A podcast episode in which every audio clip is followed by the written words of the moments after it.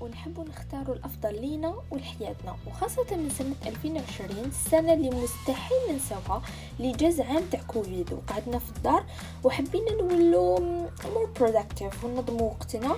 وفي مواقع التواصل الاجتماعي صرا تحفيز كبير من جهة هذا الموضوع وانتشرت a lot of videos اللي تحكي على ال morning routine عادة تاع النجاح كيف تنظم يومك etcetera etcetera and more than those. But عادة النجاح تختلف من شخص إلى آخر على حساب كل واحد ومدى التحمل ديالو في نمط الحياة الجديد المختلف هذا. على اللي كان فيه.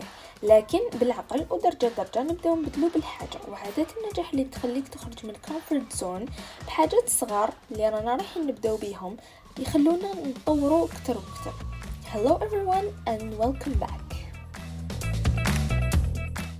So في حلقة اليوم راح نهضر على بعض عادات النجاح اللي يخليك تخرج من ال comfort zone وتغير حياتك. peut-être واش راح نهضر كان بزاف مواقع التواصل الاجتماعي في اليوتيوب post انستغرام لكن هاد المجموعة تاع ال habits هادوما أي إنسان يديرهم راح يحس بتغيير.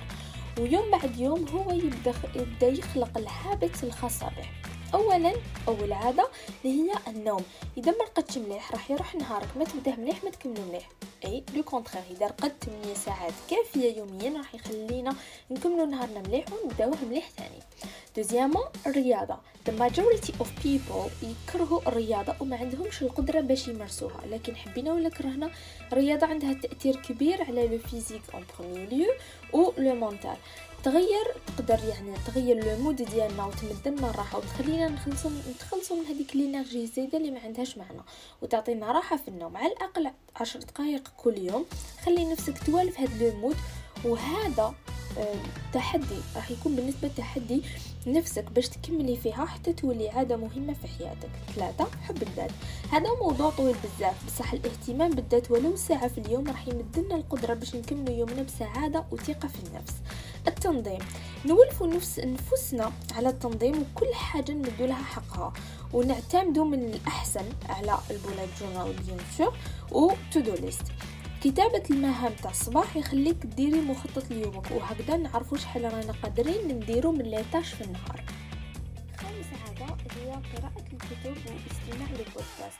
القراءة حاجة بزاف مليحة هي تغذية فكرية ذاتية تخليك تتعلم بلا ما تفيق و les podcasts aussi بزاف ملاح نقدروا نسمعهم حنا نمشيو حنا في la voiture وحنا نديرو شي حاجة واحدة أخرى. يعني نقدروا نديروهم أو مع أي حاجة نقدروا نمارسوها. تخلينا نستفادوا بزاف ناس وبزاف ثقافات والثقافه تاع البودكاست واسعة بزاف. ستة التعليم الذاتي.